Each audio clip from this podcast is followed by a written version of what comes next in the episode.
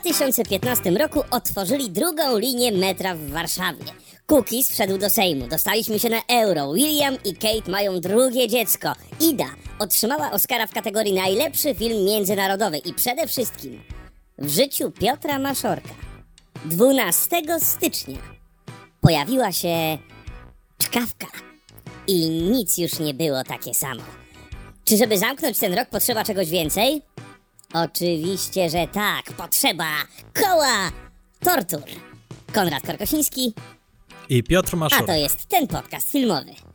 Jakoś dziwnie cię słychać. Ale to może u mnie. Papa. Nie wiem. Papa. No i, no i co ja mam teraz zrobić? Ja tutaj e, barwy wojenne przybrałem, już armaty wtoczyłem, już jestem w pełni gotowy, uzbrojony po zęby, a pan mi tutaj tak e, manipuluje, tak emocjonalnie. Co to ma znaczyć? Co to za wykorzystywanie prywaty do przejęcia inicjatywy w kole tortury? Co to, co to ma być? A, tak sobie pomyślałem, no, jakie wydarzenie miało największy wpływ na pana życie, e, no i taką zmianę, która jest tak bardzo zauważalna. No pan po prostu 15, 12, przepraszam, 12 stycznia stałeś się psiarzem. Tak, stałem się psiarzem i drodzy słuchacze, muszę tutaj podzielić się tą historią. Stałem się tym psiarzem y, z powodu tutaj mojego szanownego kolegi po drugiej stronie mikrofonu, e, ponieważ ja zawsze chciałem mieć psa, ale zawsze mój ojciec mówił, że nie zasługuje na psa i później to on będzie się nim musiał opiekować. No i jak już wreszcie zamieszkałem na własną rękę, na swoim, znaczy na swoim, oczywiście, że wynajmowanym, to pewnego dnia pojawił się pan Konrad i powiedział, a pan zawsze marzył o tym psie. Dajesz tu telefon i chodź tutaj zobaczymy i co i jak. No ja tak sobie pomyślałem, a co tam, fajna zabawa, zobaczmy co tutaj jest. Co, mo- jaki piesek tutaj by się znalazł w okolicy. I ja myślałem, że to tak po prostu dla jaj sobie sprawdzamy. No i znaleźliśmy pięknego bigielka. Jeszcze wtedy nie wiedziałem, że to była pseudohodowla. Tutaj przyznaję się bez bicia, że to była pseudohodowla i, i z jednej strony bardzo się cieszę, że uratowałem czkawkę z tej pseudoho- pseudohodowli, ale z drugiej strony no jednak mam wielki wyrzut sumienia, że tak to się wydarzyło, no ale koniecznie chciałem bigla. Co zrobił pan Konrad, jak, jak znaleźliśmy tego bigla, to, to ja mam samochód, tu są kluczyki, proszę bardzo. Ma pan tyle pieniędzy? No to proszę bardzo, lecimy, a co? Co będzie pan się Tak, zastanawiał? to dwa była razy? już jakaś noc i jechaliśmy, Gruba noc. jechaliśmy za, Zima. tak, za Kołacinek, niedaleko Łodzi. Ja, to było prześmieszne, bo pojechaliśmy jeszcze z, z Kubą Lisiakiem i dojechaliśmy pod ten dom, nagle wjechaliśmy w jakąś ultra ciemną uliczkę i ja się bałem tam wejść, więc Piotr i Lisiak weszli do tego domu, ja zostałem na czatach, gdyby coś się działo, to po prostu będę... Jeszcze właściciel e, wyszedł przed e, drzwi wejściowe i stał w takiej latarence bardzo Tak, mrygającej kamerze i wyglądał jak... Tak. I jeszcze nas wołał, machał na nas ręką, że to tutaj, to tutaj. I Konrad tak to zobaczył, powiedział, dobra, to ja tutaj zostanę i będę ubezpieczał tył. Jakby coś się działo, to krzyczcie, ja, ja ucieknę po prostu. No, no i tak się stało. Wzięliśmy, wzięliśmy tego psa do samochodu, zawieźliśmy go do... Zeżegała się na szalik Kuby. Zawieźliśmy go do twojego mieszkania i co? I zażegała się w pokoju, w pokoju, w pokoju zwanym samochodem. Ta, w drodze. E, W drodze dowieźliśmy Tak, tak. ją do domu i co? No i teraz szukamy imienia. Na początku miała być Fi- Phoebe, Kolendra, nie wiem co tam jeszcze było, ale ostatecznie Taja. Ostatecznie Jeszcze była Taja. przez to, że tak czkała, czkała, czkała na początku, no to została czkawka. Ale jej pełne imię brzmi Czkawka Kolendra Phoebe Weltaja, czyli nic nie zostało I co, jak na stracone. psoci, to zwracasz się do niej pełną frazą? Oczywiście, że tak, tylko wtedy się słucha. I pamiętam, że e, kupiła mnie całkowicie jak e, ty nocowałeś u nas jakiś czas później i my spaliśmy na pufie, ty spałeś na drugiej pufie, ponieważ zasnęliśmy przed telewizorem i czkawka zdobyła moje serce tym, że w środku nocy wstała, podeszła do ciebie, ugryzła cię i wróciła do Tak. mnie. I wtedy stwierdziłem, to jest mądry pies. Tak, ale do dzisiaj, jak tylko przyjadę do ciebie i u ciebie śpię i śpię sobie na kanapie, to pierwsze, co robi czkawka, to wbiega do wuja, podnosi kołderkę i wchodzi mu między nogi. No, słuchaj, Tak, wuja niestety ma, ma swoją moc i nie można tej mocy nie doceniać. Także słuchajcie, odrobinkę kuluarów z naszego życia prywatnego, ale spotkaliśmy się tutaj po to, żeby pokręcić kołem tortur. No, ostatnie kręcenie chyba zapadło naszym słuchaczom w pamięć. No, Ja nie pamiętam. Większość y, wystrzeliła fajerwerki. Jak jechałem przez miasto, jechałem, y, ostatnio wracałem z Gdańska do do Warszawy przez Łódź, no to jak przejeżdżałem, to wielokrotnie widziałem jakieś e, sztuczne ognie, ludzie stali na autostradzie i machali. Brawo Konrad, mieli taką, takie, wiesz, transparenty e, Maszor poszł won. I ja mówię, o, o, fajnie, fajnie, fajnie, że, że rzeczywiście jest takie, takie uznanie i że, że jednak po mojej to stronie dobrze, że przez stoją. Limankę, to, dobrze, że przez Limankę nie przejeżdżałeś, bo tam ludzie z widłami, z baseballami, z łańcuchami się na ciebie czyhają, nie mogą się doczekać, aż, aż będziesz tamtędy przejeżdżał, już, już ja, ja będę im dawał cynk, kiedy tam będziesz w okolicy i zobaczymy, zobaczymy. Oczywiście potwierdzam e, to, że wszyscy trzymają moją stronę i dostałem bardzo wiele wyrazów współczucia i wsparcia i oburzenia, także świętego oburzenia, że to była zbrodnia niesłychana że ktoś, kto tak bardzo nie cierpi tego filmu i kto tak trywializuje ten film i nie docenia jego wielkiej wartości kulturalnej i, i, i osobistej dla mnie, e, zgarnął mi go w niesamowicie zakłamanym, fałszywym ruchu, aby utrzeć mi nosa. E, Czy mi utarł nosa? Absolutnie, Absolutnie nie. Ja nie, nie czuję się, nie czuję się utarty, absolutnie. I Powinieneś dalej, jak widzicie, ksywę z Maszor na Władca Pierdzieli, wiesz? Słuchajcie, no dalej robimy ten podcast. Ja jestem ponad takie drobnomieszczańskie zachowania. I no co, no z, z, plepsem nie da rady, no trzeba po prostu zacisnąć pasa i, i, i, i nieść krużganek o świat. I z jakim dzisiaj nastawieniem przyszedłeś? Bojowym, czy właśnie takim y, pacyfistycznym, uśmiech, z uśmiechem na twarzy i podszedłeś do tego, a pewnie wiem, jakie Konrada typy tutaj padną, więc odpuszczę mu. Szczerze mówiąc, y, jak robiłem sobie swoją tabelkę, to wyboldowałem sobie moje typy, ale 10 razy większą czcionką wyboldowałem sobie twoje typy, które myślę, że padną. Ale szczerze mówiąc, nie obchodzi mnie to. Ja jestem ponad to, jak już wspomniałem. E, Nie zniżę się do twojego poziomu, panie kolego, i no, a poza tym spójrz prawdzie w oczy. Ty nie masz uczuć, ty nie masz filmów, które kochasz. Ty po prostu jesteś takim, takim taką maszynką do milenia popkultury, że po prostu z jednej strony wchodzi, z drugiej strony wychodzi i nic nie zostaje, nic nie ma dla ciebie żadnej wartości. W tym roku właśnie jest inaczej. No, jasne. Także myślę, że cię miło zaskoczę albo sprzątnę twoje typy sprzed nosa. Także słuchaj, proponuję, żebyś udostępnił mi w końcu ten ekran, bo nie ufam ci w nawet 1%. Ja już ci udostępniłem, nie widzisz go? Ach, już jest, tak? No patrz, nie widzisz? Macham myszką po nim, la la la. O, rzeczywiście. O, czyli, o, o, dramat Konrad wypadł, tak? No dobrze, myślisz, że, myślisz, że ja bym, y, ja bym cię oszukiwał? Tak. Absolutnie. Ja jestem przezroczysty, wręcz. Konrad Jeszcze dramat. nie zakręciłem. A, Kochani, nie zakręciłeś jeszcze, tak? Dobrze. przypomnijmy w jakich kategoriach będziemy losowali naszą drużynę filmowych Tak Avengersów. jest. Otóż jest to dramat, komedia horror, remake, prequel, prequel, requel, miquel, sequel, dipler, blockbuster i dzika karta. I jeszcze I aktor. najlepsza rola. Ojejku, no, nawet to żeś spierdzielił. Sześć kategorii i to sześć. Nie dałeś rady. Nie dałeś rady po prostu przeczytać. Bo, z, bo zawsze było Ja wiem, że to pięć i trudne. o, mi się tak pomyliło. Y, oczywiście mam sześć kategorii, jeszcze raz y, powiem, żeby zostało w głowach. Dramat, komedia, horror, remake, y, remake, remake, prequel, sequel, najlepsza rola, blockbuster i dzika karta. Tak jest. E, przypominamy zasady. Każdy z nas losujemy zarówno e, imię szczęśliwca, który będzie wybierał, oraz kategorię, w której będzie wybierał. E, I po tej osobie druga osoba będzie lo, losowała swojego faworyta albo faworyta. Hmm, tej drugiej strony do swojej drużyny i film, który zostanie przez kogoś wybrany, nie może być wybrany w innych kategoriach przez drugą osobę. Oczywiście są takie filmy, które No. mogą się na przykład pokrywać, że ktoś, co, co jakiś sequel może też być blockbusterem Dokładnie albo tak. nawet dramatem. Y, Słuchajcie, no fajne nam się te zasady ustaliły na tych topkach, co? Ja je wymyśliłem. No, Dobrze, nie ma co tutaj przedłużać twojego cierpienia, zobaczmy. Karmiłem ciasteczka, żeby nie Mhm. było. Cały swój urlop spędziłem na kręceniu tym kołem i wbijaniu mu, że cholera, to jest mój komputer i ma grać tak no jak prawda, ja zagram. prawdopodobnie właśnie dlatego dzisiaj wszystkie typy padną na mnie. E, Prawdopodobnie to wiesz.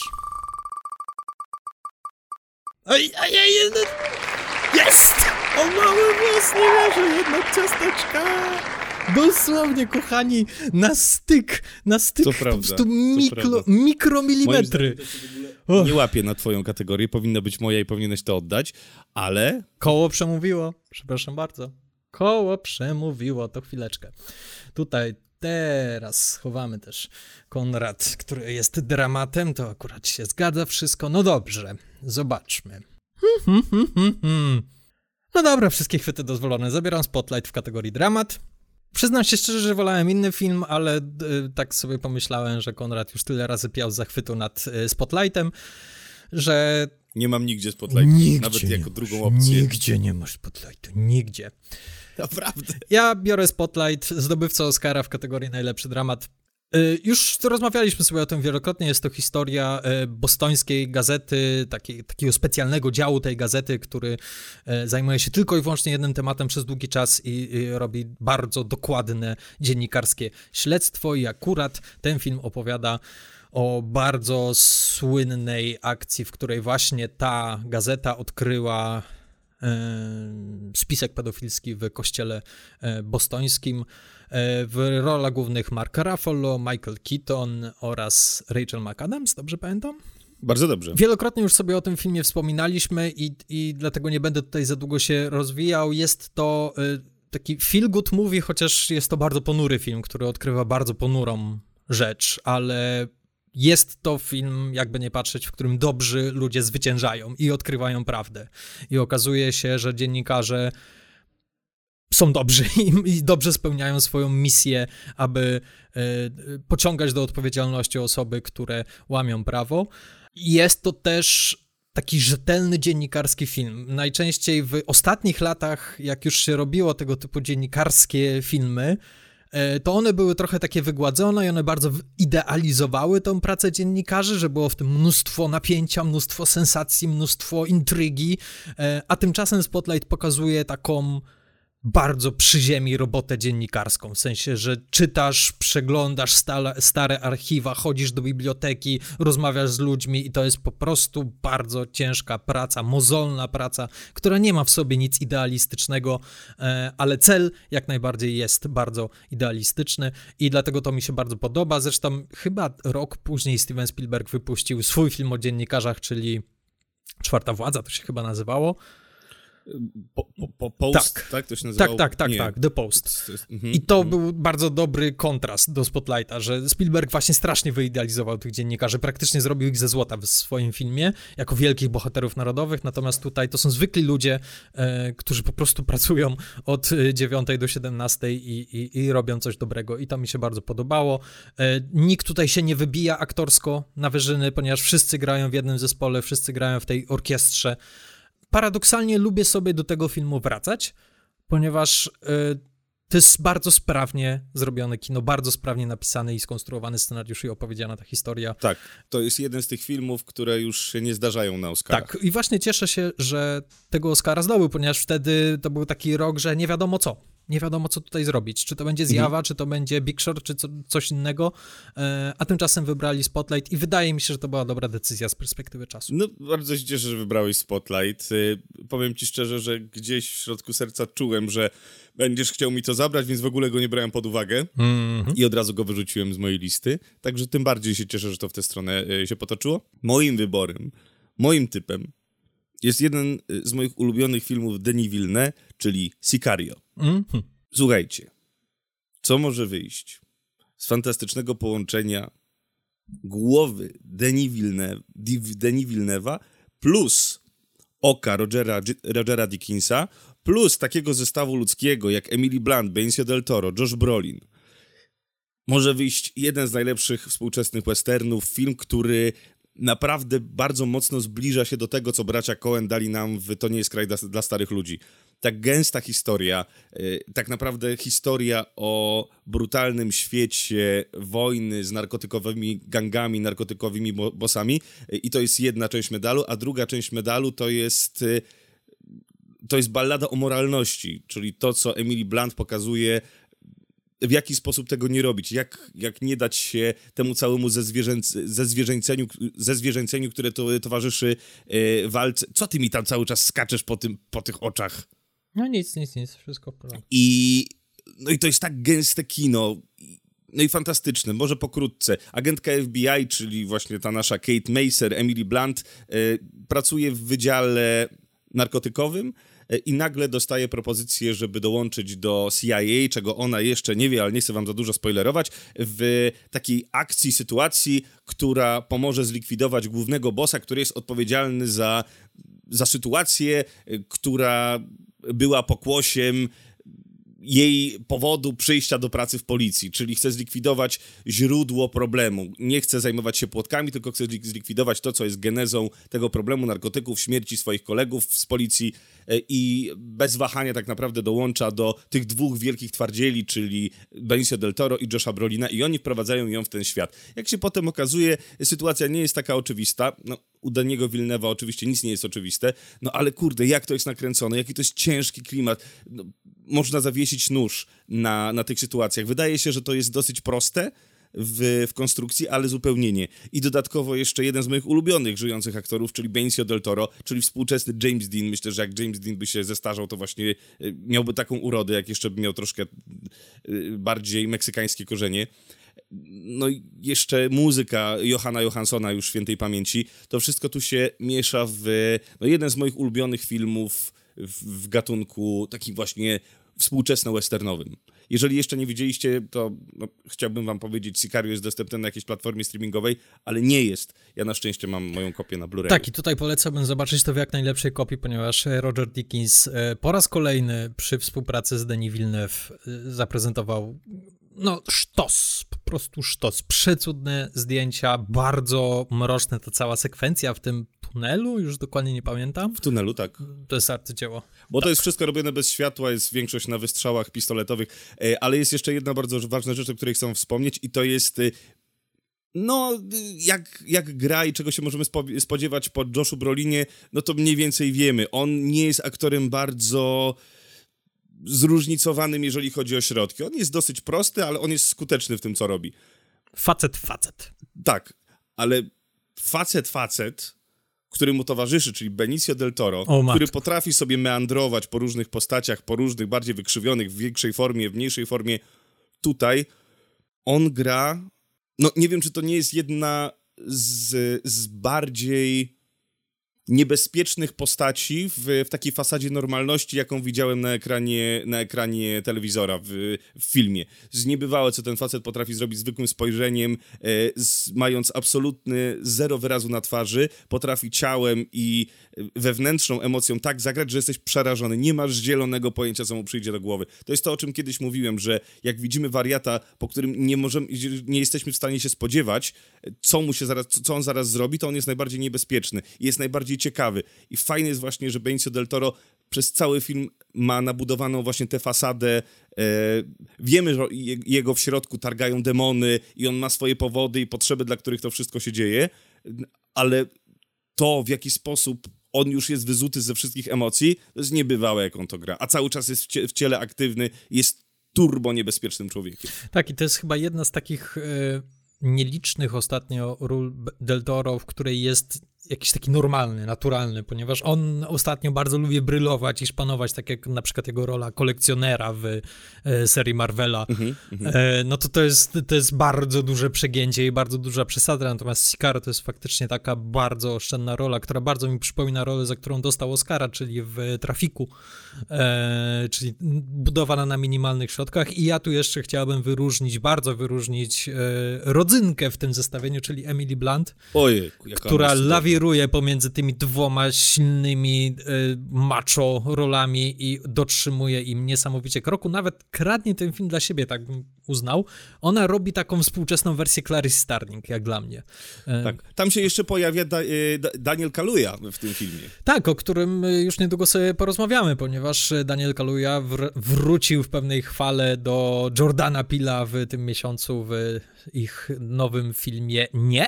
Nope. I na pewno o tym będziemy rozmawiali na początku września. Tak, chociaż Daniela Kalui nie wyróżniam w tym filmie, bo on, jego postać akurat mnie denerwuje. Już abstrahując od tego, co on proponuje i co on robi, to jego postać jest taką, jest motorem negowania i motorem podważania niektórych decyzji, więc rozumiem, że to jest, bo on musi być taką pewną dozą normalności yy, i dystansem do tego, co proponują główni bohaterowie, ale już nic wam więcej nie mówię. Obejrzyjcie, bo to jest naprawdę jeden z lepszych filmów Wilna. No dobrze, to w takim razie kręcimy koło i przechodzimy do kolejnej kategorii i tą kategorią będzie... będzie blockbuster i niestety znowu ja. Mhm. Oczywiście, czy ta wspaniała, wspaniałomyślna zasada, którą, e, której domagałeś się w zeszłym odcinku, że jeśli dwa razy z rzędu ktoś wytypuje kategorię, to automatycznie e, w kolejnej kategorii ty przejmujesz? Jak chcesz. Nie, kręcimy kołem do końca. Dobrze. Dobrze, biorę Paddingtona. Jestem w szoku, że mogę go wziąć w tej kategorii, ponieważ Paddington zarobił 282 miliony dolarów w box office. Ja przypominam, że kategoria obejmuje e, filmy, które zarobiły co najmniej 100 milionów. Seria Paddingtona jest uznawana za jedną z najwybitniejszych serii w historii kina, najlepiej ocenianych y, filmów w historii kina. Teraz chyba tr- szykuje się trzecia część, ponieważ druga już się pojawiła. I zarówno pierwsza, jak i druga jest y, genialnie oceniana przez wszystkich i słusznie.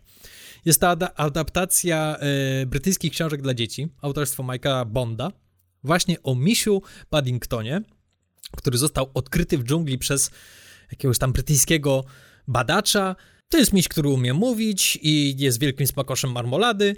To jest miś, który trafia w końcu do, do Londynu. Nie będę więcej mówił, ponieważ to jest jakby bardzo prosta historia i, i no, łatwo ją bardzo przewidzieć, ale jest to tak umiejętnie opowiedziana historia i jest to tak ciepły, ciepły, ciepły, ciepły film. Jak czasami używam takiego określenia, że są takie firmy, które są ciepłym kocykiem, to Paddington to jest zupełnie inna kategoria ciepłego kocyka. To jest po prostu anielskie opatulenie ciepłem i chmurami i, i, i niesamowitą dobrocią, która emanuje z tego filmu. I zazwyczaj tego typu historie nie działają, ponieważ one trącą takimi uproszczeniami i najzwyczajniej w świecie trącą myszką, haha, albo misiem. Natomiast ten film, Paddington, unika wszystkich tych pułapek i nie wiem, jak oni to robią. Twórcy tego filmu, czyli... czyli Paul King oraz Hamish McCall, z którym e, Paul King także współtworzył scenariusz. Nie wiem, jak oni to robią, że potrafią z takiego banału wycisnąć tyle emocji i, i tyle łez przede wszystkim. Pierwszy film jeszcze jest dosyć oszczędny w tej kategorii, ale już przy drugim konia z rzędem temu, kto nie popłacze się na drugiej części Paddingtona. Ja uwielbiam tą serię i z bardzo dużą obawą podchodzę do części trzeciej, ponieważ nie chcę, żeby mi z tą serię spartuczyli, ale mimo wszystko nie mogę się doczekać, ponieważ to jest Paddington. No i zresztą nie bez powodu cały świat się zachwycił informacją, że Zeleński, e, prezydent Ukrainy, podkładał e, w ukraińskiej wersji głos Paddingtona i dla wszystkich wydało się to oczywiste. No oczywiście, że tak. To jest właściwy facet na właściwym miejscu. E, natomiast w oryginalnej wersji językowej głosu Paddingtonowi użycza Ben Whishaw, którego bardzo lubię i bardzo cenię. No dobrze, w takim razie słuchajcie, jeżeli chodzi o mnie, ja jeżeli chodzi o Misia Paddingtona nie oglądałem, więc wszystko przede mną. Nie wiem, czy nazywać to kubką wstydu, czy Ojejku. jeszcze nie muszę. Ojejku, jak ci, jak ci zazdroszczę, że to przed tobą. Czyli kubka wstydu. To teraz przejdziemy do mojego filmu, który też jest obarczony pewną kubką wstydu. Mm -hmm. Niestety. Ponieważ y, moim Blockbusterem jest czwarta już część znanej serii filmowej i jest to Mad Max Fury Road na drodze gniewu, czyli ekranizacja w reżyserii George'a Millera i jest to czwarta część, tak jak powiedziałem, serii, której ja nigdy nie widziałem. Nie widziałem żadnego filmu z serii Mad Max wcześniej z Melem Gibsonem. Wiem, że tutaj Mel Gibson też był zakładany, żeby wrócić w czwartej części jako Max.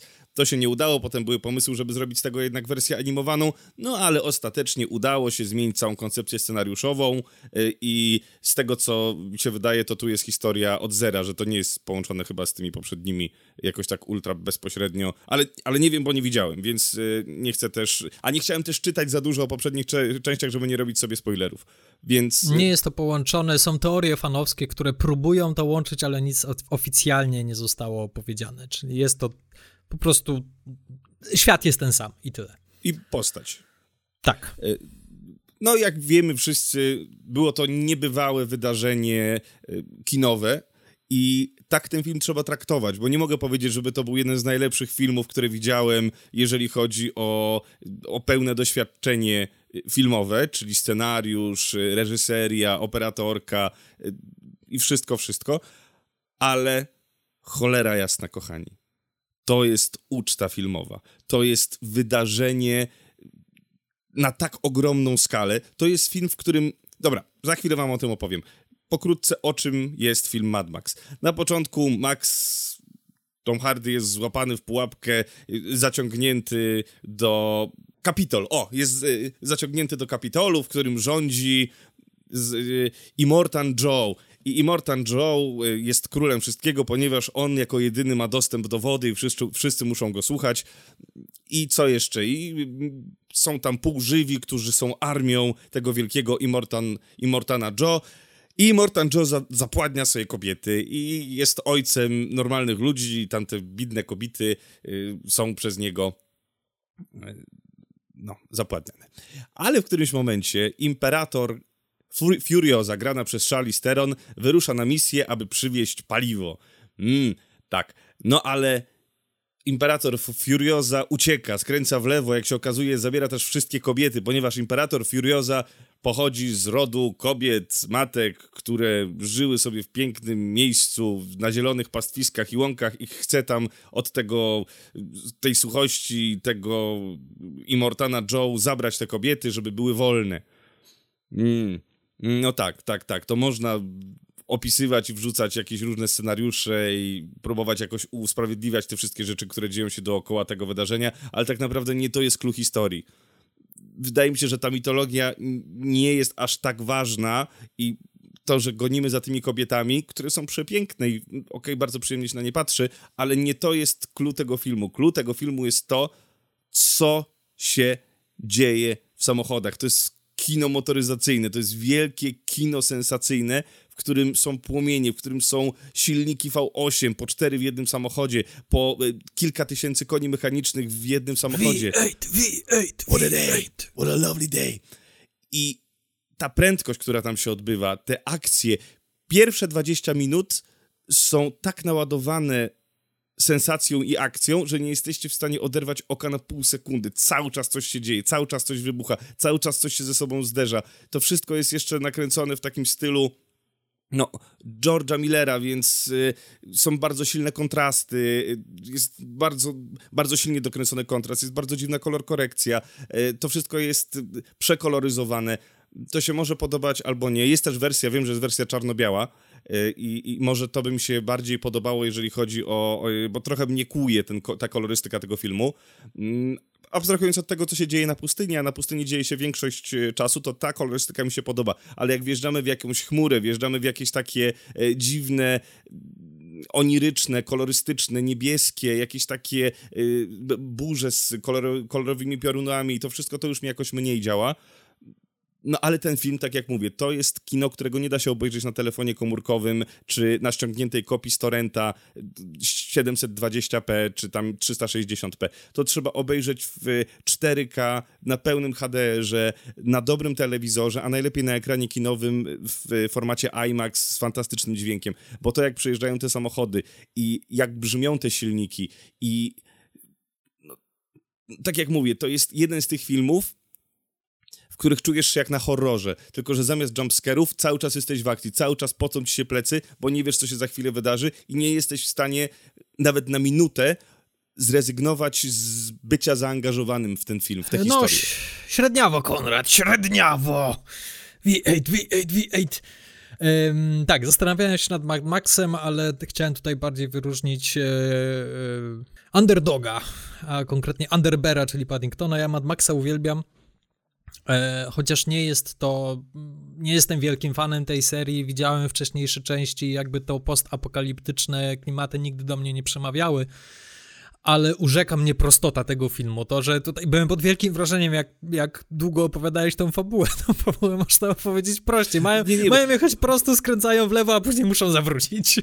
Tak, to było użyte po to, że jako metafora tego, że to jest tak nieistotna rzecz i że można budować i próbować obudować tę historię czymkolwiek, ale nie ona jest clue tego, e, tego, po co idziemy do kina, żeby to obejrzeć. Idziemy po to, żeby się dobrze bawić na turbokaskaderskim filmie. Tak, i no faktycznie jest to opera na samochody i ogień i benzynę i naboje i ta choreografia tych wyczynów kaskaderskich, gdzie pędzące samochody i ludzie na tyczkach na tych samochodach i z tyłu jeszcze bębniarze i gitarzysta, który pluje krwią z tej gitary, e, pluje ogniem z tej gitary, no to to jest no to to jest jakaś orgia dla oczu, ale jest w tym szaleństwie metoda i najwyraźniej bardzo skuteczna metoda, ponieważ nikt nie zginął na planie tego filmu, chociaż jak się go ogląda, to się drapiesz po głowie i mówisz, jeja, jak ja bym tam przez dwie godziny był na tym planie, to najprawdopodobniej bym zginął, ponieważ to, co się tam dzieje, to jest mózgocze. Tak, tak. I tutaj chciałbym wyróżnić dwa nazwiska. Po pierwsze George Miller, który kręcąc Mad Maxa miał 72 lata. I, I zrobił film, który ma takie tempo, który ma taką kaskaderkę, który ma tak szalone ujęcia i szalone pomysły i ten facet udowodnił, że gnojki, co wy wiecie o kinie akcji. Natomiast drugą osobą, którą chciałbym, wy, chciałbym wyróżnić, to jest e, to jest partnerka George'a Millera, czyli Margaret Sixel. E, nie wiem, ile Margaret Sixel ma lat, ale też nie jest to na pewno młoda osoba i jest to montażystka tego mhm. filmu. E, zresztą od razu możemy wspomnieć, że ten film był nominowany aż do 10 Oscarów, zgarnął ich aż 6, dostał Oscara za najlepszą charakteryzację, scenografię, kostiumy, najlepszy dźwięk, też oczywiście, montaż i montaż dźwięku. Więc ona została wyróżniona y, i to są te kategorie, w których rzeczywiście ten film musiał zostać wyróżniony. Tak, ja po, ja po cichu liczyłem, że George Miller także zostanie nagrodzony, y, bo byłaby to ładna nagroda, ale no, nie mogę się kłócić z nagrodą dla Inaritu, który dostał w tym roku za zjawę. Y, no ale Margaret, Margaret Sixel ten Oscar jak najbardziej jest zasłużony, ponieważ biorąc pod uwagę, ile ona miała materiału do zmontowania i co ona z tego wysmażyła i, i, i jak jak dynamicznie i kinetycznie to zostało zrobione i jednocześnie jak klarownie, ponieważ nie jest trudno zaciachać taki film akcji na śmierć, żeby się dużo działo, dużo ujęć, dużo cięć, ula, ula, ula. Ważne jest to, żebyś wiedział dokładnie, kto gdzie jest, co robi, w którą stronę jadą i kto z kim teraz walczy i dlaczego to jest ważne. Tak, tym bardziej, że tam równorzędnych bohaterów mamy chyba dziesięciu, jak już tak. dosiadają się te kobiety i każda ma coś I do każda jest jakaś. I każdego, tak, tak. I, I rzeczywiście zapamiętujesz każdą z nich. Tak, i każda ma swoją super. małą taką e... historyjkę i małe zakończenie tej historyjki, czyli... Czy... Poza tym to jest niesamowicie przewrotne, że Mad Max, który jest takim bardzo macho filmem e, z Melem Gibsonem, oczywiście te oryginalne Mad Maxy, Tutaj tak naprawdę jest to film bardzo kobiecy. Jest to film, w którym Mad Max jest całkowicie, w całkowitym odwrocie i ustępuje pola, i tutaj wielkie szaboba dla Toma Hardiego, e, że ustąpił pola zarówno Charlize Theron, jak i wszystkim pozostałym dziewczynom na pokładzie e, tej maszyny. E, już nie pamiętam, jak ta ciężarówka wielka się nazywała. Warwick. Tak, tak, maszyna wojny po prostu. W produkcji już jest druga część tej nowej serii, czyli Furiosa, już dostaliśmy zapowiedź i, i dostaliśmy plakat chyba, już nawet się pojawił. Czy nie, przepraszam, zdjęcie z planu. Zdjęcie z planu z klapsem, że, furio, że już No i zdjęcie. warto tutaj się. E, ja ogólnie nie byłbym fanem, ponieważ wydaje mi się, że ten film nie potrzebuje kontynuacji i, i, i jakby pomimo tego, że to było takie wielkie wydarzenie, to ja nie czuję potrzeby e, kolejnych części, ale przekonała mnie aktorka, którą obsadzili w, role, w roli młodej Furiozy w, tym, w tej kontynuacji, a mianowicie Ania Taylor-Joy. E, I myślę, że to jest bardzo dobry wybór i, i szczerze mówiąc, dla połączenia jej i George'a Millera bardzo, bardzo chętnie zobaczę ten film. Bardzo dobry wybór. Dziękuję panu bardzo. Trochę y, wziąłem go, z, bo wiedziałem, t- dlaczego go wziąłem w tej kategorii, bo wiedziałem, że weźmiesz go w remake'u, tak, tak, sequelu, tak, tak. prequelu. Tak. Więc musiałem tak, się ja sobie go zostawiłem właśnie do tej kategorii, ale, ale już, już jestem dumny z Paddingtona. Bardzo się cieszę, że Paddington jest na moim podium, ponieważ Paddington powinien być na każdym podium. Dobrze, kręcę kołem w takim razie. Proszę bardzo. Eee, to jest niewiarygodne. Niewiarygodne. Znowu ja. I wybieram kategorię aktorską. No cóż, no, najwyraźniej skutecznie te ciasteczka karmiłem. Karma, bitch.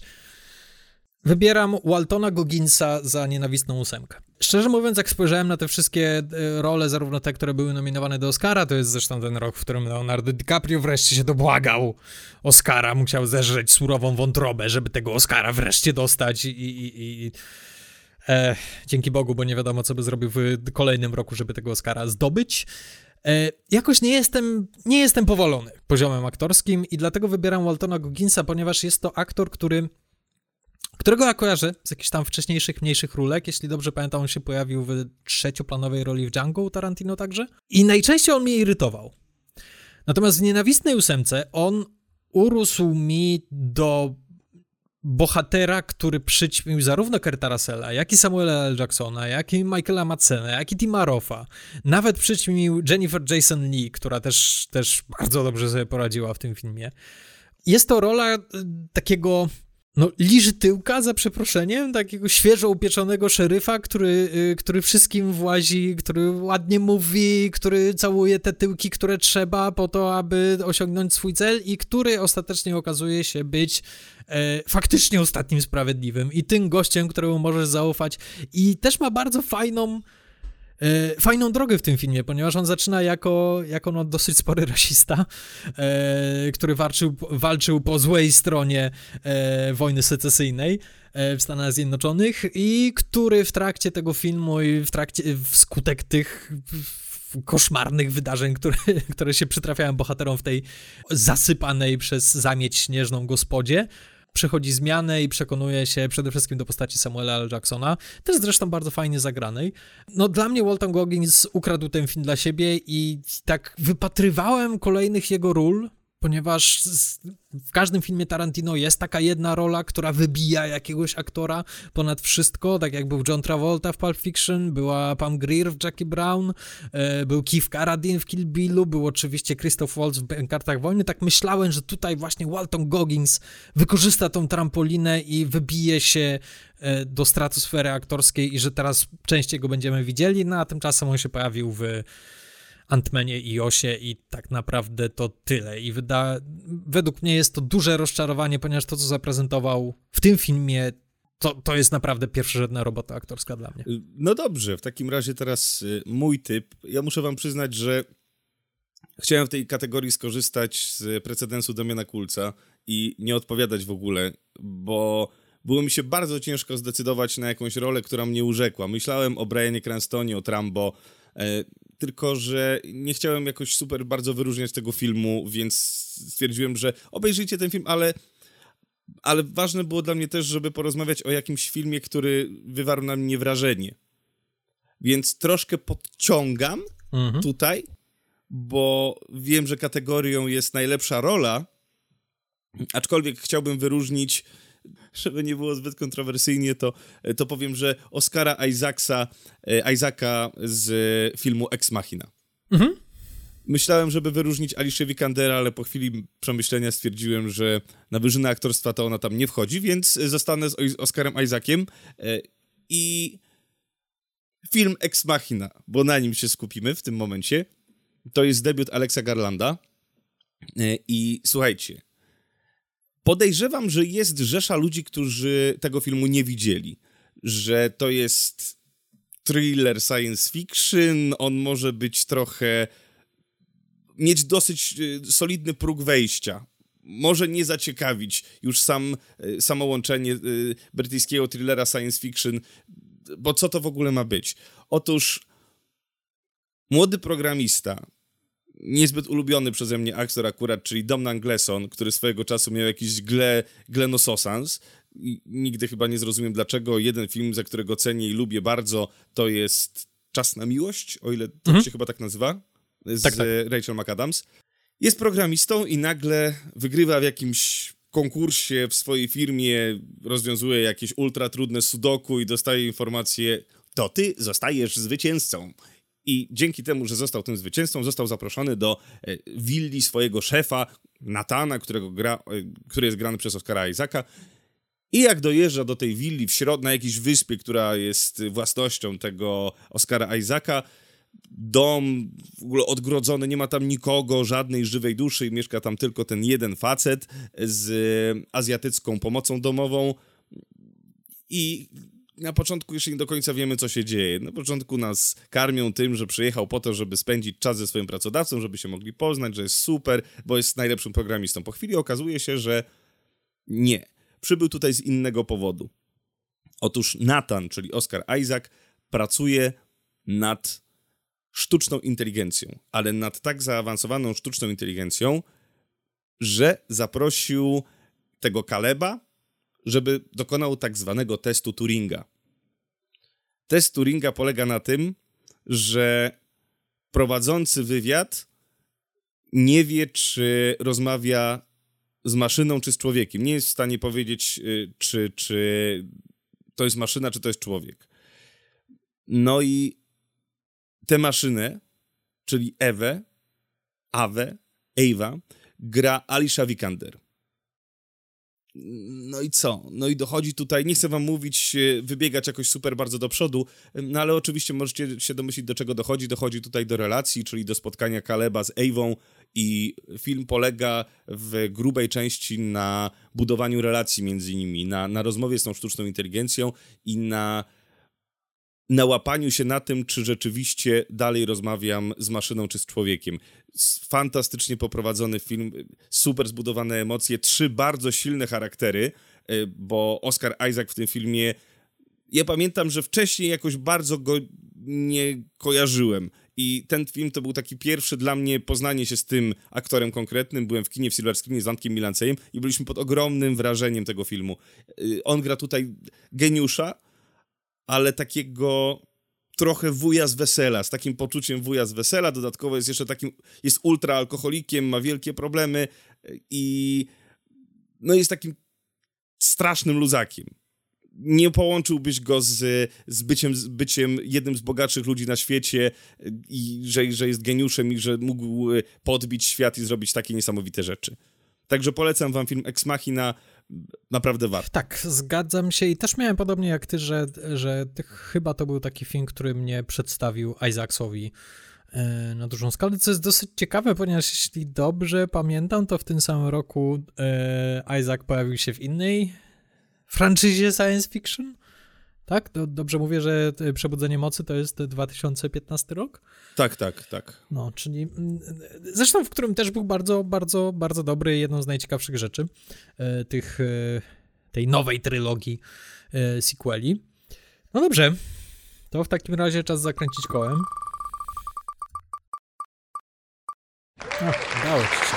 Razem kategoria komedia albo horror wędruje tym razem do Konrada. Ciasteczka musimy porozmawiać później. Y, no więc komedia horror. Słuchajcie, ja tutaj Mógłbym wam wymienić parę filmów, które zrobiły na mnie wrażenie. Y, tutaj mamy takie filmy, jak na przykład ostatnio dostaliśmy dosyć dużo informacji, że y, Eger powinien, Eggers powinien trafić na listę naszych typów reżysery, reżyserów. I tutaj właśnie jest jego film, Czarownica, ale ta czarownica nie trafia do mnie na listę. Jest tutaj też taki dosyć nowoczesny horror, który nazywa się It Follows, o ludziach, którzy chodzą za tobą i musisz się z kimś przespać, żeby przerzucić to chodzenie na kogoś innego, więc dosyć ciekawa koncepcja. Nie wiem, czy ty widziałeś ten film, ja pamiętam, że chyba polecił mi go Lisiak i go wtedy obejrzałem. E, ale nie, to też nie jest mój typ. Moim typem jest film W głowie się nie mieści. Si, senior. Otóż rozmawialiśmy o tym filmie przy topce Pixara i on był u nas bardzo wysoko, więc no, co wam będę dużo mówił. No, Pixar wpadł na fantastyczny pomysł. E, młoda dziewczynka Riley przeprowadza się z rodzicami, przenosi się do San Francisco i co? I jest w okresie jeszcze takim wczesno dojrzewania i jeszcze nie do końca potrafi sobie radzić z emocjami. Te emocje, które mieszkają w niej, czyli radość, strach, gniew, odraza i smutek, przejmują czy działają, ale nagle y, radość i strach opuszczają centrum dowodzenia i za sterami siada gniew, odradza i smutek. Nie, y, radość i smutek odchodzą, zostaje strach, gniew, odradza. Nieważne. Y, nie będę o tym filmie mówił za długo, ponieważ posłuchajcie sobie naszego odcinka o topce Pixarowej. Tam mówimy wszystko o tym filmie.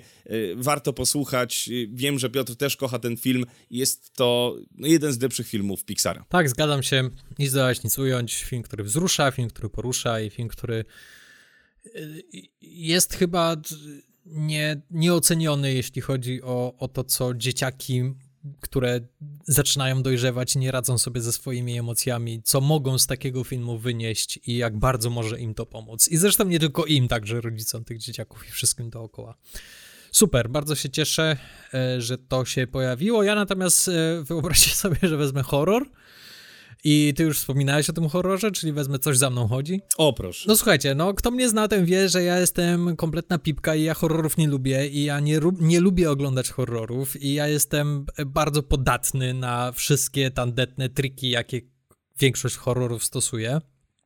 I ja muszę przyznać, że ja byłem pod gigantycznym wrażeniem tego horroru i przede wszystkim niesamowicie prostego konceptu. E, tak jak już Konrad wspominałeś, e, jest to historia jakiejś tam nastolatki, która e, spotyka się z takim jednym szarmanckim amantem i tutaj, prawda, uprawiają seks w aucie i po tym seksie ten amant przywiązuje ją do krzesła i mówi, słuchaj, zaczną dziać się dziwne rzeczy dookoła ciebie, będą cię gonili, nie wiem kto to jest, to jest coś przerażającego i ty po prostu nie możesz dać się złapać.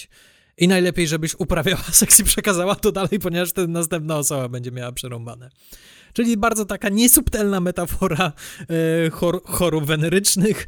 Taka metafora w każdym tak naprawdę horrorze się takim, takim typowo sztampowym horrorze często się przewijała, ponieważ y, jest y, w krzyku zresztą chyba pada to zdanie, że nie wolno uprawiać seksu w horrorach, ponieważ to jest życzenie śmierci, jeśli, jeśli e, będziesz uprawiał seks w horrorze.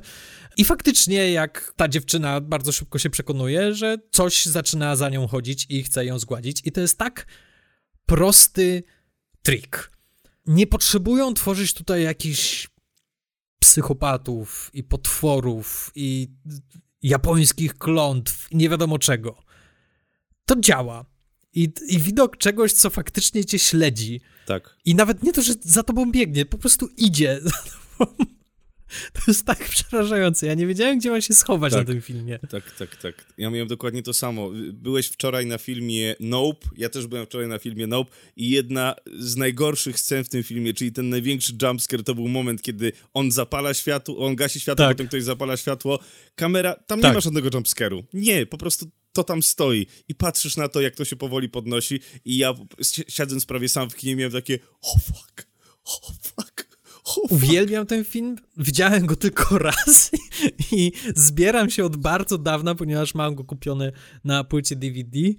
Zbieram się od bardzo dawna, żeby go obejrzeć po raz drugi, ponieważ pamiętam, że zrobił na mnie gigantyczne wrażenie. I zresztą on jest bardzo ładnie nakręcony, e, umiejętnie skonstruowany, tak. że to wszystko jest naprawdę horror ze smakiem, pomimo tej banalności i pomimo tego bardzo prostego pomysłu, ale to cholera jasna działa. Tak. On jest nakręcony w ogóle tak barwowo, ładnie, tak. podobnie do Ari Astera.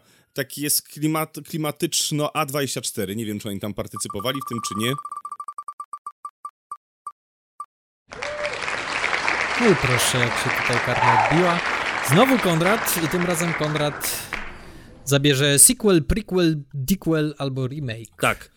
E, I słuchajcie, no, byłbym hipokrytą, gdybym nie powiedział, że czekałem na ten film i wyszedłem z tego filmu zadowolony, jak go zobaczyłem pierwszy raz. Pierwszy raz, jak Sokół Millennium wleciał w te y, ruiny i wyleciał. Chyba nawet razem byliśmy na tym filmie.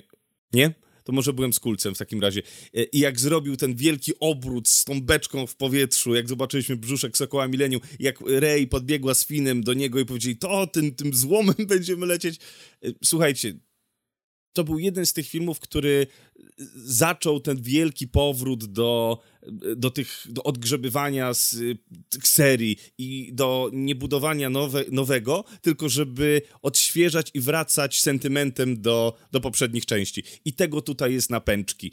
I za to ten film bardzo lubię, o nim, o nim też rozmawialiśmy w naszej topce filmów Star Warsowych, więc nie będę wam zajmował jakoś bardzo dużo czasu. Uważam, że to jest jedna z lepiej zaopiekowanych części tych e, wszystkich najnowszych. Nie pamiętam, na którym u nas ona e, się miejscu znalazła, chyba na jakimś czwartym czy piątym.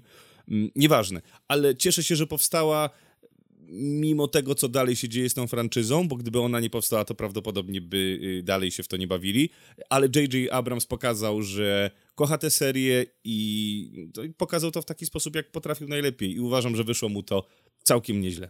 No, był to udany powrót do Gwiezdnych Wojen i przede wszystkim wyraźny komunikat ze strony e, nowej e, szefowej Lucasfilmu i tych, którzy będą odpowiadali za nowe Gwiezdne Wojny, że hej, nie będziemy robili prequeli.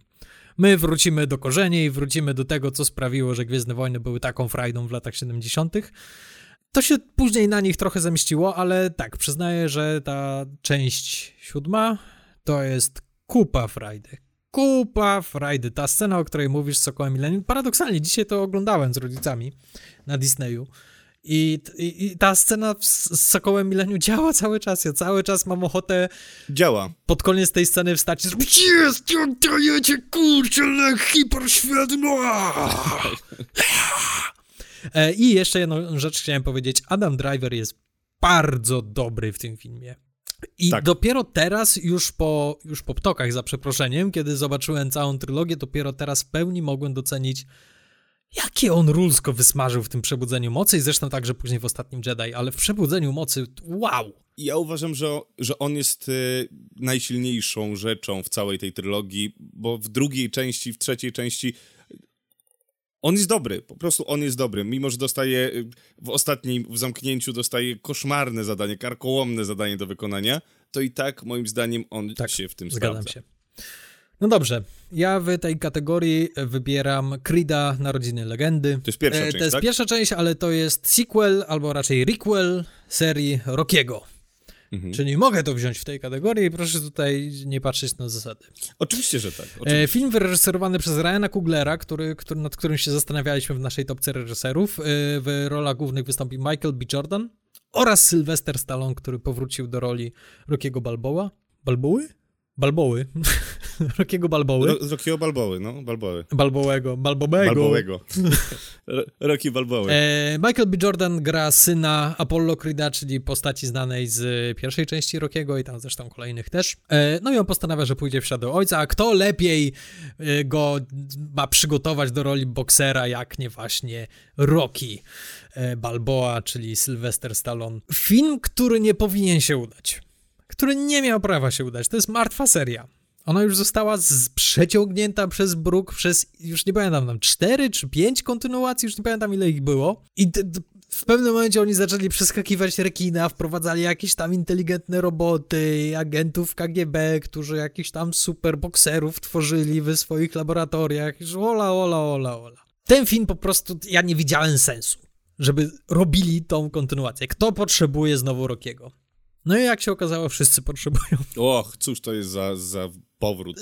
To jest ciekawe, że ten film wyszedł w tym samym roku, co Przebudzenie Mocy, e, ponieważ on też jest tym takim requelem, czyli e, troszkę remake'iem, troszkę sequelem e, do Rockiego, bo to też jest historia underdoga, który musi wiesz, robić swoje treningi, jeść surowe jajka i bić w mięso po to, żeby wygrać w ostatniej walce. I Jejku, jak to dobrze działa. Jejku, jak to jest umiejętnie skonstruowane. Jak to jest pięknie zagrane no, ze wszystkich stron. Prawda. I zdradzę wam jeszcze protipa. Nawet jeżeli nie byliście fanami Rockiego, nic nie szkodzi.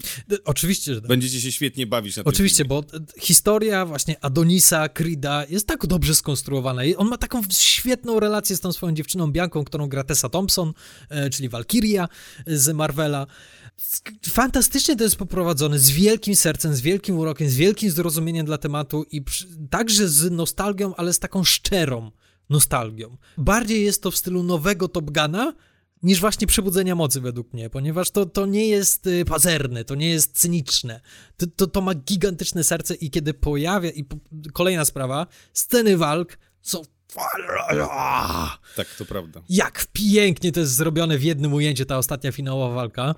No i kiedy pojawia się wreszcie motyw Rockiego, e, a bardzo długo go trzymają w zanadrzu, bardzo długo z niego nie korzystają. Zresztą muzykę robił e, Ludwig Goranson i bardzo umiejętnie z Kuglerem zdecydowali, że nie zostawiamy to na sam koniec. I kiedy na samym końcu, w samym środku tej walki leci ten motyw, to ja mam łzy w oczach i po prostu mówię, to tak dajesz bigo tam, dobrze, udowodnij, że jesteś synem swojego ojca. Super, super, naprawdę wszystkim wam polecam. Nie widziałem kontynuacji tego, a słyszałem, że jest dobra. No dobrze, słuchajcie. Ja jeszcze tylko wam teraz powiem, jako że jesteśmy w temacie franczyzy Rockiego, że ostatnio świat obiegła informacja, że jest planowany nowy spin-off, e, czyli Drago. E, Sylwester Stallone jest wściekły i już na swoim y, Instagramie dał wyraz temu, że Irwin Winkler y, powinien gryźć glebę po prostu i tyle. No tak, także słuchajcie, no widzę, że no, rzeczywiście karty się odwróciły i wszystkie kategorie moje. Także słuchajcie, no, Konrad Dzika Karta. Konrad Dzika Karta. A powiedz mi, czy ja ci coś zabrałem wcześniej? Chyba tylko tego Fury Road, tak? Którego planowałeś? No nie, bo, wziął, bo mogłem go wziąć przy Blockbusterze, ale wziąłem Paddingtona. Rozumiem. Czyli nic ci nie zabrałem. Nic. No dobrze, no to może teraz się uda. Dobrze. Jak myślisz, jest, jest szansa? Myślę, że jest. Okej, okay, w takim razie ja chciałbym tutaj wyróżnić. e, Rzadko się to zdarza na naszym podcaście.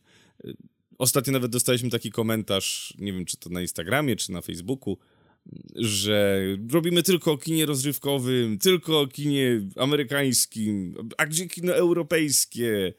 No i tam napisałem, że no rozumiem, no ale jesteśmy podcastem, który głównie z, zajmuje się współczesnym kinem rozrywkowym.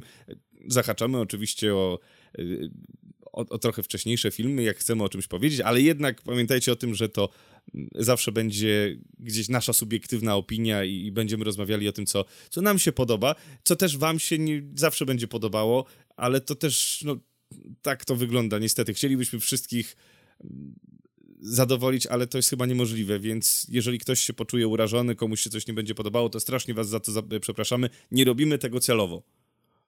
Więc teraz chcę dać wam tutaj troszeczkę kina europejskiego Mhm.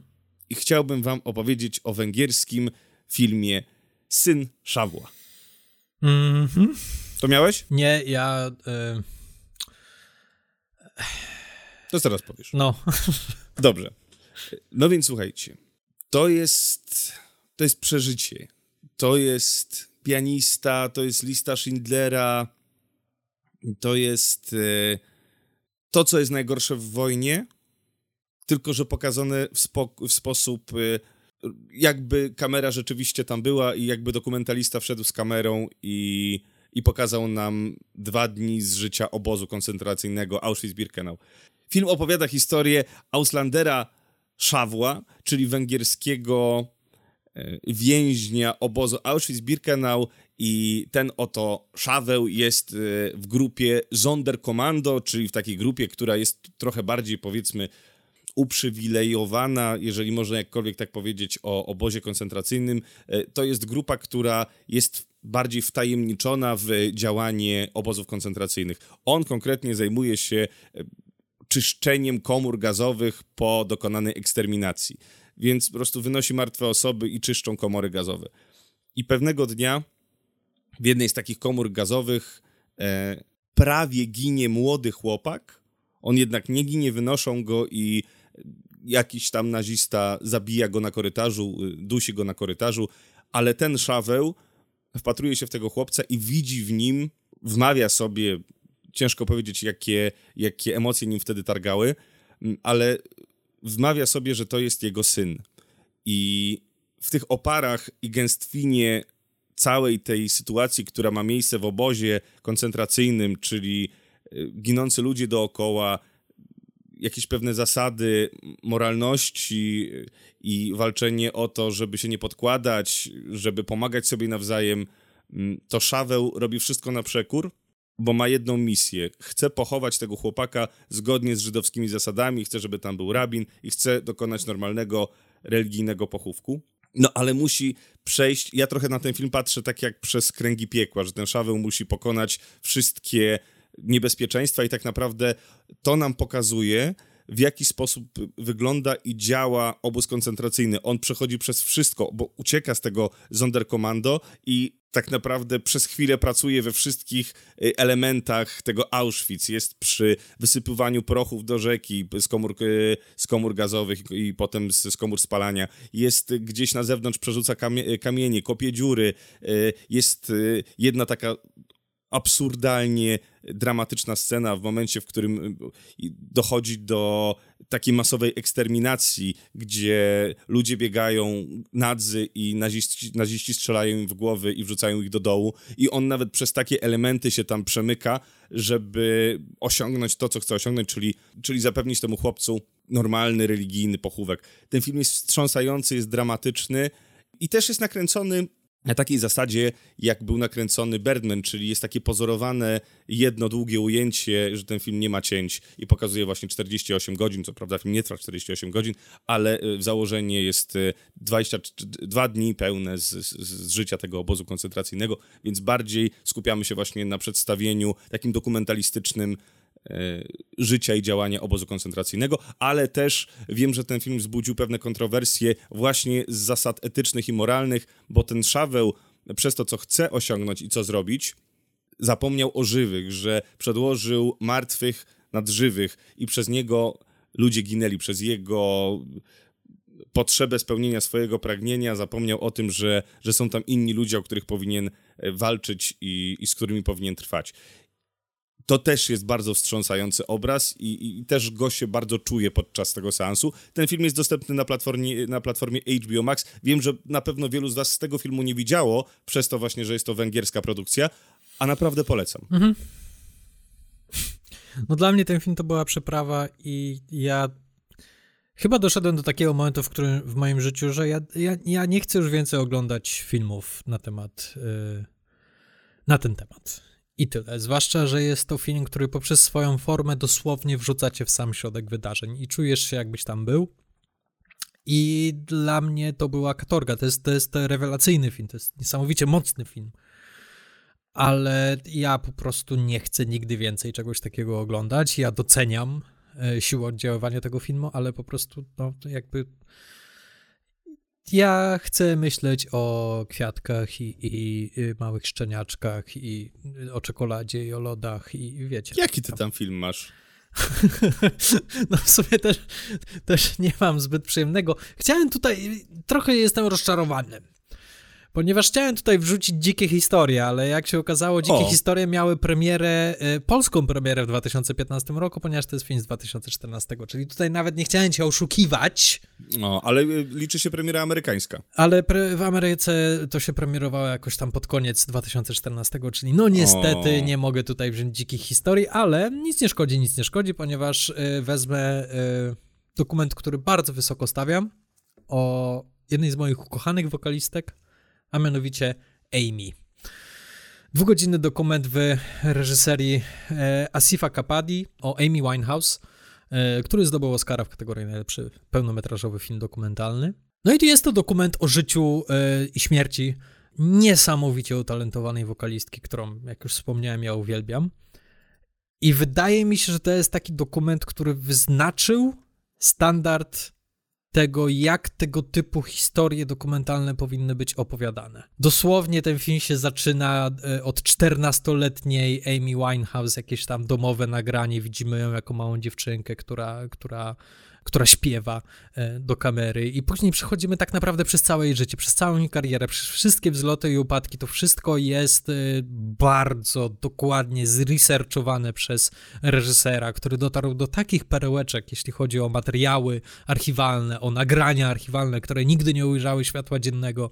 E, przeprowadził jakieś 100 wywiadów z rodziną, ze znajomymi, ze współpracownikami Amy Winehouse i i z tej gigantycznej ilości materiału stworzył dwugodzinną narrację, która daje, no oczywiście niepełny portret artystki, ale kompletny. I ja byłem pod gigantycznym wrażeniem tego dokumentu i, i później jeszcze oglądałem, e, e, później na, na, fali tego zaczęły wypływać właśnie bardzo podobne dokumenty o słynnych muzykach. Wyszedł dokument o Whitney Houston, który nie był już tak dobry, wyszedł dokument o Luciano Pavarottim, e, chyba wyreżyserowany przez Ron Howarda, jeśli dobrze pamiętam.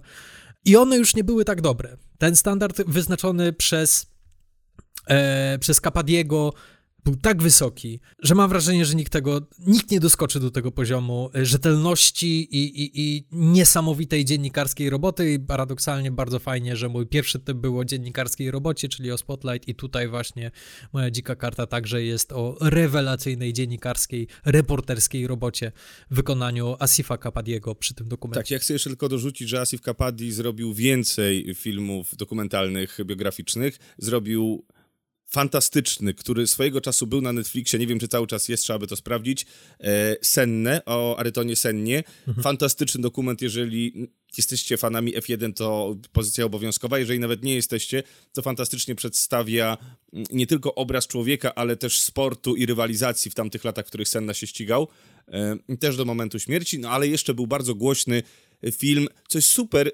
że ten dokumentalista jest, był w stanie wprowadzić filmy dokumentalne do mainstreamu, do kin, do, na duże ekrany, nawet do takiego kraju, jakim jest Polska, do którego takie filmy wchodziły do Cytryny, czy do kina Charlie, jeżeli jesteście z miasta Łodzi, albo do Muranowa, jeżeli mieszkacie w Warszawie. Ale one nie podbijały multiplexów. Takie filmy jak Diego, mhm. o, y, o Diego Maradonie, był na wszystkich ekranach w całej Polsce. E, Amy też była na wszystkich ekranach w całej Polsce. Z Senną jeszcze tak nie było. Tak, i to zresztą jest jego właśnie ta wielka trylogia biograficznych dokumentów, czyli właśnie Senna, Amy oraz Diego. E, I teraz jak patrzę na jego Wikipedię, to także wyreżyserował dwa odcinki Mindhuntera e, dla Netflixa, co, co jest dosyć okej, okay, dobra, fajnie, że w tym też jest dobry.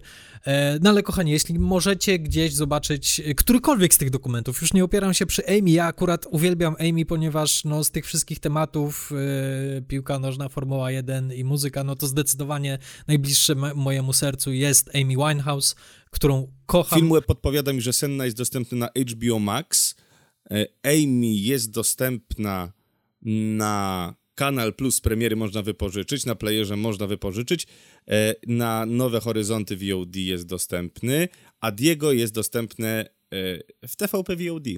No proszę. proszę. Czyli, czyli można i polecam. Naprawdę są to najwyż... to jest najwyższa półka dokumentów. Tak, tak, dokładnie tak. No dobrze, kochani, słuchajcie, to tyle na dzisiaj. Podsumujmy nasze, naszą drużynę Avengersów. E, ja w kategorii dramat złapałem Spotlight zdobywca Oscara w kategorii najlepszy film i najlepszy film o dziennikarzach od bardzo, bardzo, bardzo dawna. W kategorii komedia horror wybrałem Coś za mną chodzi, czyli mega prosty, a jakże skuteczny horror, który spędzał mi sens powiek przez długi czas i do którego przez długi czas pewnie jeszcze nie wrócę. Jako sequel, prequel wybrałem Creed na rodzinne legendy, film, który nie miał prawa się udać, a udał się i to nawet więcej, zawładnął moim sercem, e, ale nie tak bardzo jak Paddington, którego zgarnąłem w kategorii blockbuster, film, który, którego nie sposób nienawidzić, e, a można go tylko kochać. E, jako aktora wybrałem Waltona Gogginsa z Nienawistnej Ósemki, szkoda, że to jego ostatnia taka świetna rola, mam nadzieję, że jeszcze tam się odbije gdzieś. I jako dziką kartę wybrałem najlepszy dokument, jaki widziałem od bardzo, bardzo dawna, czyli Amy w reżyserii Asifa Kapadiego. No dobrze, w takim razie teraz moja kolej, moja kolej. Zacznijmy sobie od Denis Villeneuve w dramacie, czyli Sicario, później komedia, horror. Tutaj wybrałem wielką pracę wykonaną przez studio Pixar, Inside Out, w głowie się nie mieści, jeżeli chodzi o remake. The Force Awakens, czyli Przebudzenie Mocy, powrót do no, początek kolejnej trylogii w uniwersum Gwiezdnych Wojen. Najlepsza rola to no, powiedzmy, że Oscar Isaac w filmie Ex Machina, blockbuster Mad Max Fury Road, a Dzika Karta to węgierski film Syn Szawła. Bardzo fajnie, bardzo fajnie, bardzo dobrze, dostatecznie, cieszę się. No I zobacz, nawet się nie poprztykaliśmy, nie podsprzeczaliśmy na tym podcaście, czyli jednak rzeczywiście dojrzałeś ja dojrzałem. Ja dojrzałem. Tak. Ja dojrzałem. Ja nie powiem. To ty ja, mówiłeś. Ja to, pamiętam, to mówiłeś ja jeszcze, pamiętam, jeszcze że ty nie jesteś. Content, content. Ja pamiętam, content. że ty nie jesteś jakimś wielkim fanem Mad Maxa i że ty po prostu byłeś oburzony, jak bardzo brutalny jest to film. Nie, to ja. Czyli tutaj proszę mi nie ściemniać, tutaj nie mylić. Nieprawda. No przecież byłeś tak święcie oburzony, że ta kobieta w ciąży, taka szokująca scena. Ja mówię, przecież tam nic nie widać w tej scenie. Ja tak mówiłem? Jak nie widać, ona wpada pod koła. Za brutalny, za brutalny, za brutalny. Tak nie, mówiłeś. Nie, no to trzeba przyznać, że to jest dosyć brutalne. Już abstrahując od tego, że ta kobieta wciąż wypada, ale to jak wyciągają z niej to martwe dziecko Ojej. i ten facet bawi się tymi flakami i rozciąga tę pępowinę i mówię, ha, jeszcze miesiąc i byłby całkiem niezły, wiesz. A, to, to... cię. Pikuś, co ty, co ty? No, odezwałem się ja, który nie mogę wyrobić, na coś za mną chodzi, bo jakiś koleś po prostu idzie wolnym krokiem za dziewczyną, ja... Dobrze, kochani, e, dziękuję wam bardzo za to, że mnie wspieracie w e, moim cierpieniu e, tworzenia tego podcastu filmowego z tym kłamcą i hipokrytą. Tak. Ja dziękuję opozycji tej Opozycja. sytuacji, czyli tym wszystkim, którzy, którzy są po mojej stronie barykady i którzy twierdzą, że w końcu ktoś powinien Maszorowi utrzeć nos i zabrać mu e, władcę pierdzieli, także dziękuję wam, że jesteście. No i co, pamiętajcie, żeby obserwować nasze socjale i jeżeli chcielibyście z nami obejrzeć jakieś filmy, Jakieś dziwne dźwięki wysmażył... słyszę w tle.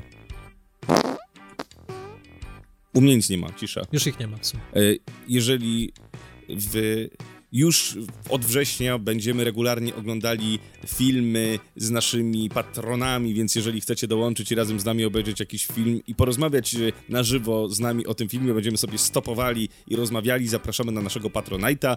E, Zapraszamy do naszej rady programowej. E, Naszym patronom serdecznie dziękujemy, wszystkich pozdrawiamy. Dzięki, że jesteście. No i co? Obserwujcie nasze socjale, bo nigdy nie wiadomo, co tam się pojawi, co się tam znajdzie. Y, Dla was to jest tylko kliknięcie. A, i pamiętajcie, żeby polubić też nasz, ocenić nasz podcast y, w aplikacji Spotify, jeżeli nas tam słuchacie. Y, Nie wiem, czy to do czegoś służy, czy to jakoś pozycjonuje nasz podcast. I tak jesteśmy bardzo wysoko, ale jeżeli to może nam pomóc jeszcze się upozycjonować wyżej, to no to jeżeli w ten sposób chcielibyście nam pomóc i podziękować, to, to zachęcamy was do tego. Będzie nam niezmiernie miło. A tymczasem, co, słyszymy się za tydzień. Tak, za tydzień wreszcie wracamy po wakacyjnej przerwie do e, naszej serii, co ostatnio oglądaliśmy. Porozmawiamy sobie o tym, co... Nie, nie, jeszcze będziemy rozmawiali o Marvelu. Konrad, Konrad, Konrad. Co? Jaki ty jesteś po prostu... Ja Z kim ja pracuję, ludzie? Czyli najpierw nagrywamy to, a dopiero potem To już będą, jest tak? następny odcinek. Przecież zapowiadaliśmy Mhm. Marvela odcinek temu, który się premierował. Rety Konrad, przestań pić. Przestań pić. To, macie rację, oczywiście, za tydzień wracamy do naszego do Macie serii rację, ja mam rację. Podsumowań, tym, tym razem podsumujemy aż dwa miesiące, które się wydarzyły, więc Piotr może powie parę słów o Oktopusie. Nie, nie, nie, to by długo, długo, długo mówić. Mogę powiedzieć o jednym filmie z Octopusa, który był najbardziej kontrowersyjny, ale po cichu liczę, że będziemy mogli wspólnie na, ten, na temat tego filmu porozmawiać. Ale jest o czym mówić, czy tak, czy tak. Okej, także już za tydzień, a w zeszłym tygodniu słuchaliście Marvela, fajnie. No dobra, także słuchajcie, Obudź się, człowieku, ryty. jesteśmy Zero w profesjonalizmu. kontakcie. Zero profesjonalizmu, zero przygotowania. Słyszymy się w przyszłym tygodniu. No i pamiętajcie, przyszły tydzień to już jest koniec wakacji. To już jest. Jesteś no, pewny? Wrzesień. To już jest wrześniowy odcinek. Także wszyscy wracamy do już normalnej pracy. Mam już słońce, słonko będzie zachodziło. Jak mawiał, mawiała, mawiała Czarna Wdowa, o której rozmawialiśmy w zeszłym tygodniu do Halka, e, słoneczko zachodzi, więc trzymajcie się do usłyszenia w przyszłym tygodniu. Cześć! A, już, cześć.